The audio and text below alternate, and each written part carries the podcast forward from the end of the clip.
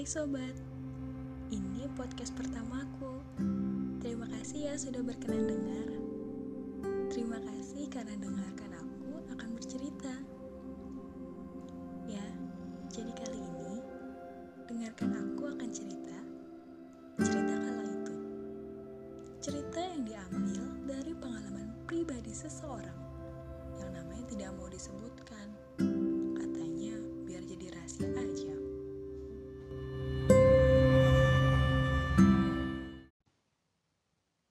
Langsung aja yuk kita bacain ceritanya. Hai Kanis, maaf ya aku gak mau kasih tahu namaku. Soalnya salah satu orang yang akan aku ceritakan ini suka dengerin podcast. Jadi maaf ya kak, aku gak bisa sebutin nama asliku. Oh iya Kanis, apa kabar? Semoga sehat-sehat terus ya kak. Jadi gini kak, aku punya cerita cerita yang mungkin pernah dialami juga oleh sebagian orang. Dan bahagianya aku, kalau Kanis yang bacain ceritaku.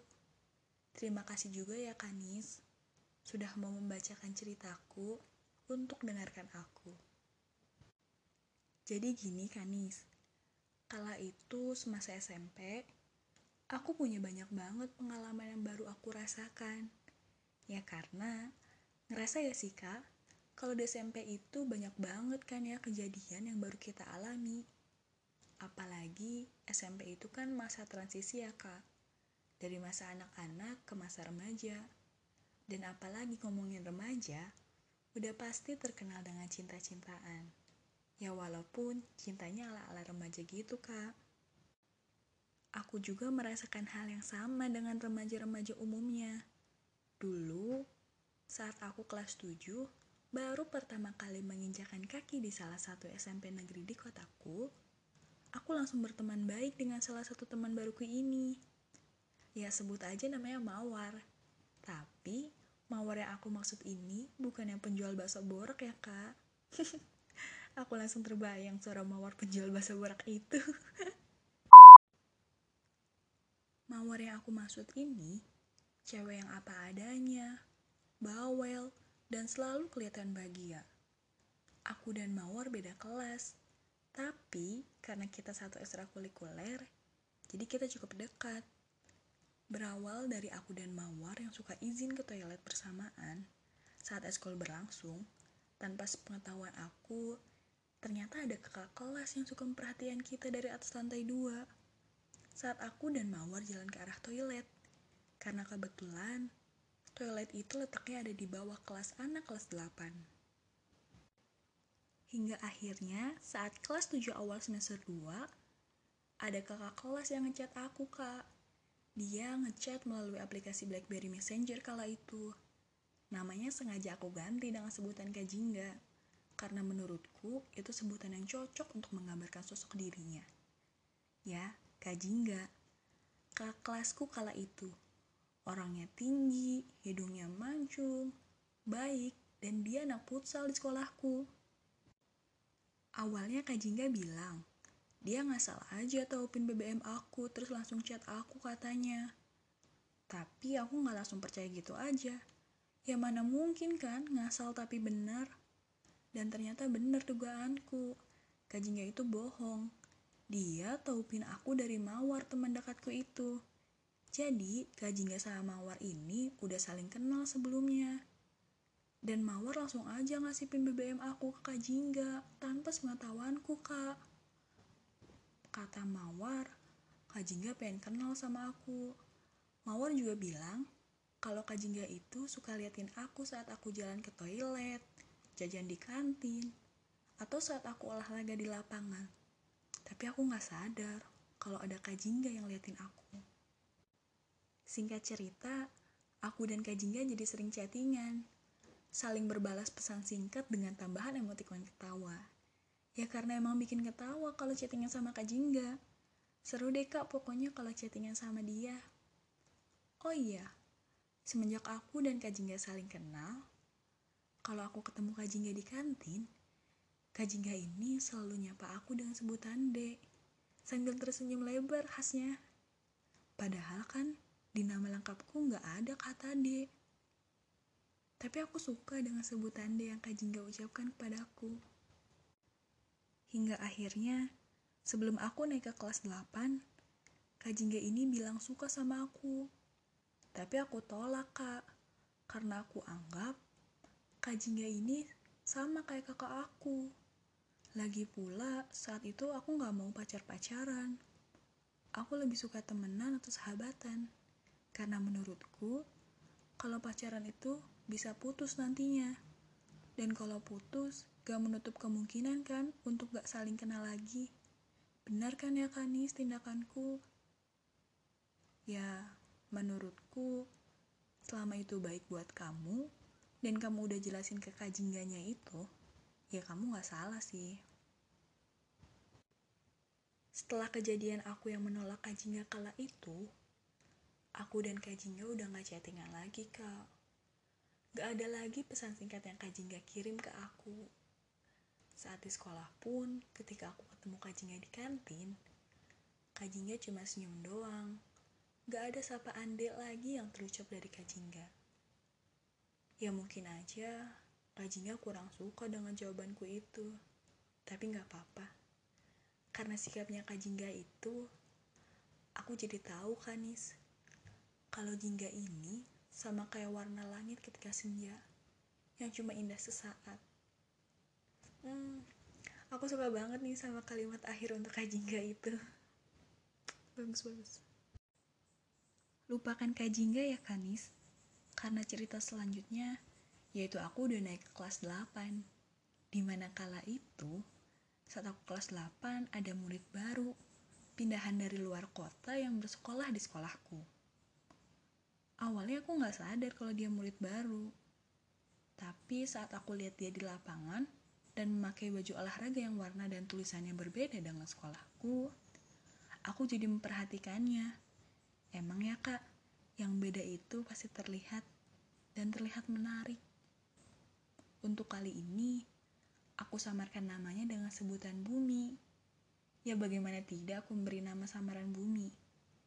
Dia orang yang cerdas, rajin sholat, rajin piket di kelas, baik, dan suka pakai jam tangan warna hijau army di lengan kanannya. Jadi, sangat cocoklah untuk menggambarkan sosok dirinya dengan sebutan bumi yang memiliki sifat membumi. Oh ya Kanis, aku dan bumi ini kelasnya bersebelahan. Jadi, aku suka lihat dia saat piket membersihkan kelasnya. Biasa, kan kita tetanggaan kelasnya. Sampai akhirnya, aku dan Bumi bisa berteman baik. Bahkan sangat baik kalau teman-temanku mengatakannya.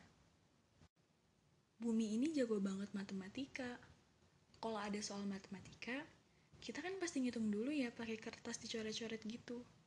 Kalau Bumi enggak. Tanpa kertas, dia bisa langsung menjawab dengan cepat dan tepat. Benar kan kataku? Nama cocok untuk dipanggil bumi. Dia nggak mau membuang-buang kertas untuk hal yang bisa membahayakan bumi. Oh iya, karena bumi ini cerdas banget, dia jadi perwakilan sekolahku untuk ikut olimpiade. Dan alhamdulillahnya, dia menang olimpiade matematika itu. Selain cerdas, Bumi juga nggak pelit untuk berbagi ilmu.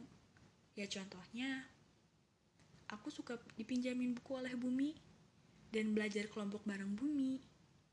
Udah gitu, kalau belajar kelompok, Bumi sabar banget ngajarinnya. Ya maklum, aku kurang paham matematika, apalagi saat bagian menghitung gambar bangunan yang diarsir-arsir gitu, Kak. Oh iya, seperti yang aku bilang, bumi ini memiliki sifat membumi.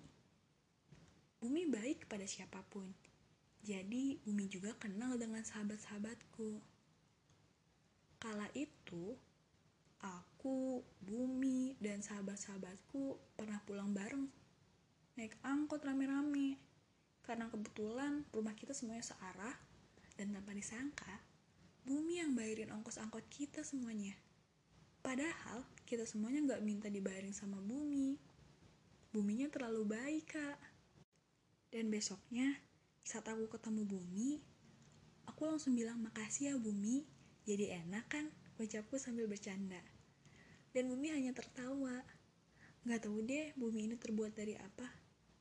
Bisa jadi manusia yang baik banget.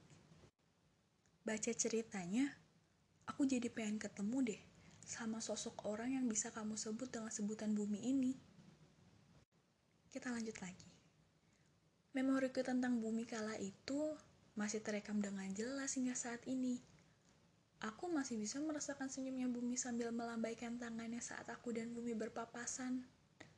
Aku juga masih ingat saat bumi selesai mengambil air wudhu, pasti bumi langsung memakai jam tangan berwarna hijau army di lengan kanannya. Aku juga ingat saat bumi tiba-tiba kasih aku coklat yang kemasannya ungu. Padahal, kala itu aku lagi gak ulang tahun kanis. Tapi bumi kasih aku coklat. Bumi memang perhatian kepadaku. Dan saat aku ulang tahun, bumi pegang tangan aku sambil ucapin selamat ulang tahun ya. Bumi menyebut nama lengkapku. Terus Bumi juga bilang, maaf gak kebawa coklatnya. Padahal diucapin aja aku udah seneng loh Kanis. Akhirnya aku langsung aja bilang, gak usah repot-repot Bumi. Makasih ya Bumi, udah jadi orang yang paling baik. Bumi juga bilang, makasih juga. Besok Bumi janji gak akan ketinggalan lagi coklatnya buat kamu. Aku hanya tertawa mendengarnya. Karena lucu ditambah lihat ekspresi mukanya bumi. Lucu gitu loh kak. Dan besoknya benar. Bumi tepatin janjinya. Bumi beneran kasih aku coklat dengan kemasan ungu lagi. Duh aku jadi langsung keinget nih kanis. Kalau itu bumi kasih coklatnya di lorong sekolah dekat lapangan rasa coklatnya masih sama dengan coklat pertama yang bumi kasih ke aku ya karena itu satu merek sih tapi coklat yang bumi kasih ke aku itu enak, lembut, dan manis. Entahlah, mungkin karena yang ngasihnya bumi kali ya, jadi rasanya enak pakai banget.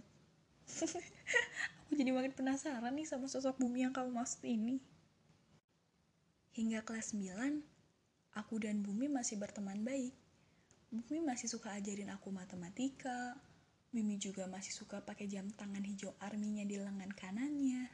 Tidak ada yang berubah dengan bumi. Namun kata teman-temanku, bumi suka padaku. Dan katanya, aku dengan bumi itu cocok. Tapi aku gak percaya dengan omongan mereka.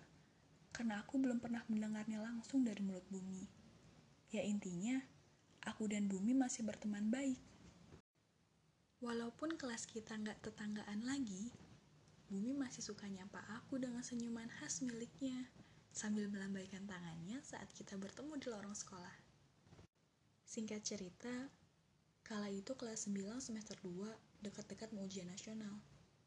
Bumi bilang padaku, kalau nanti Bumi gak keterima di SMA nomor 1 di kota ini, Bumi bakalan pindah lagi ke kota asalnya.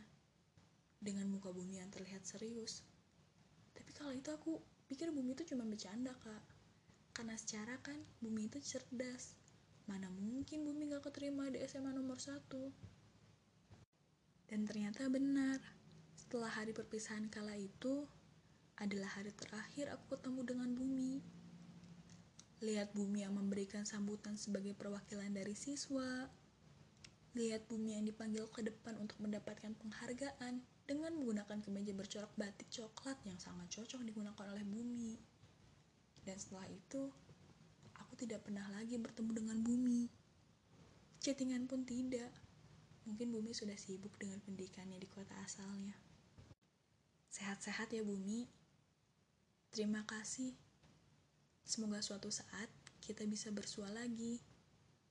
Makasih juga ya Kanis udah membacain ceritaku sampai akhir.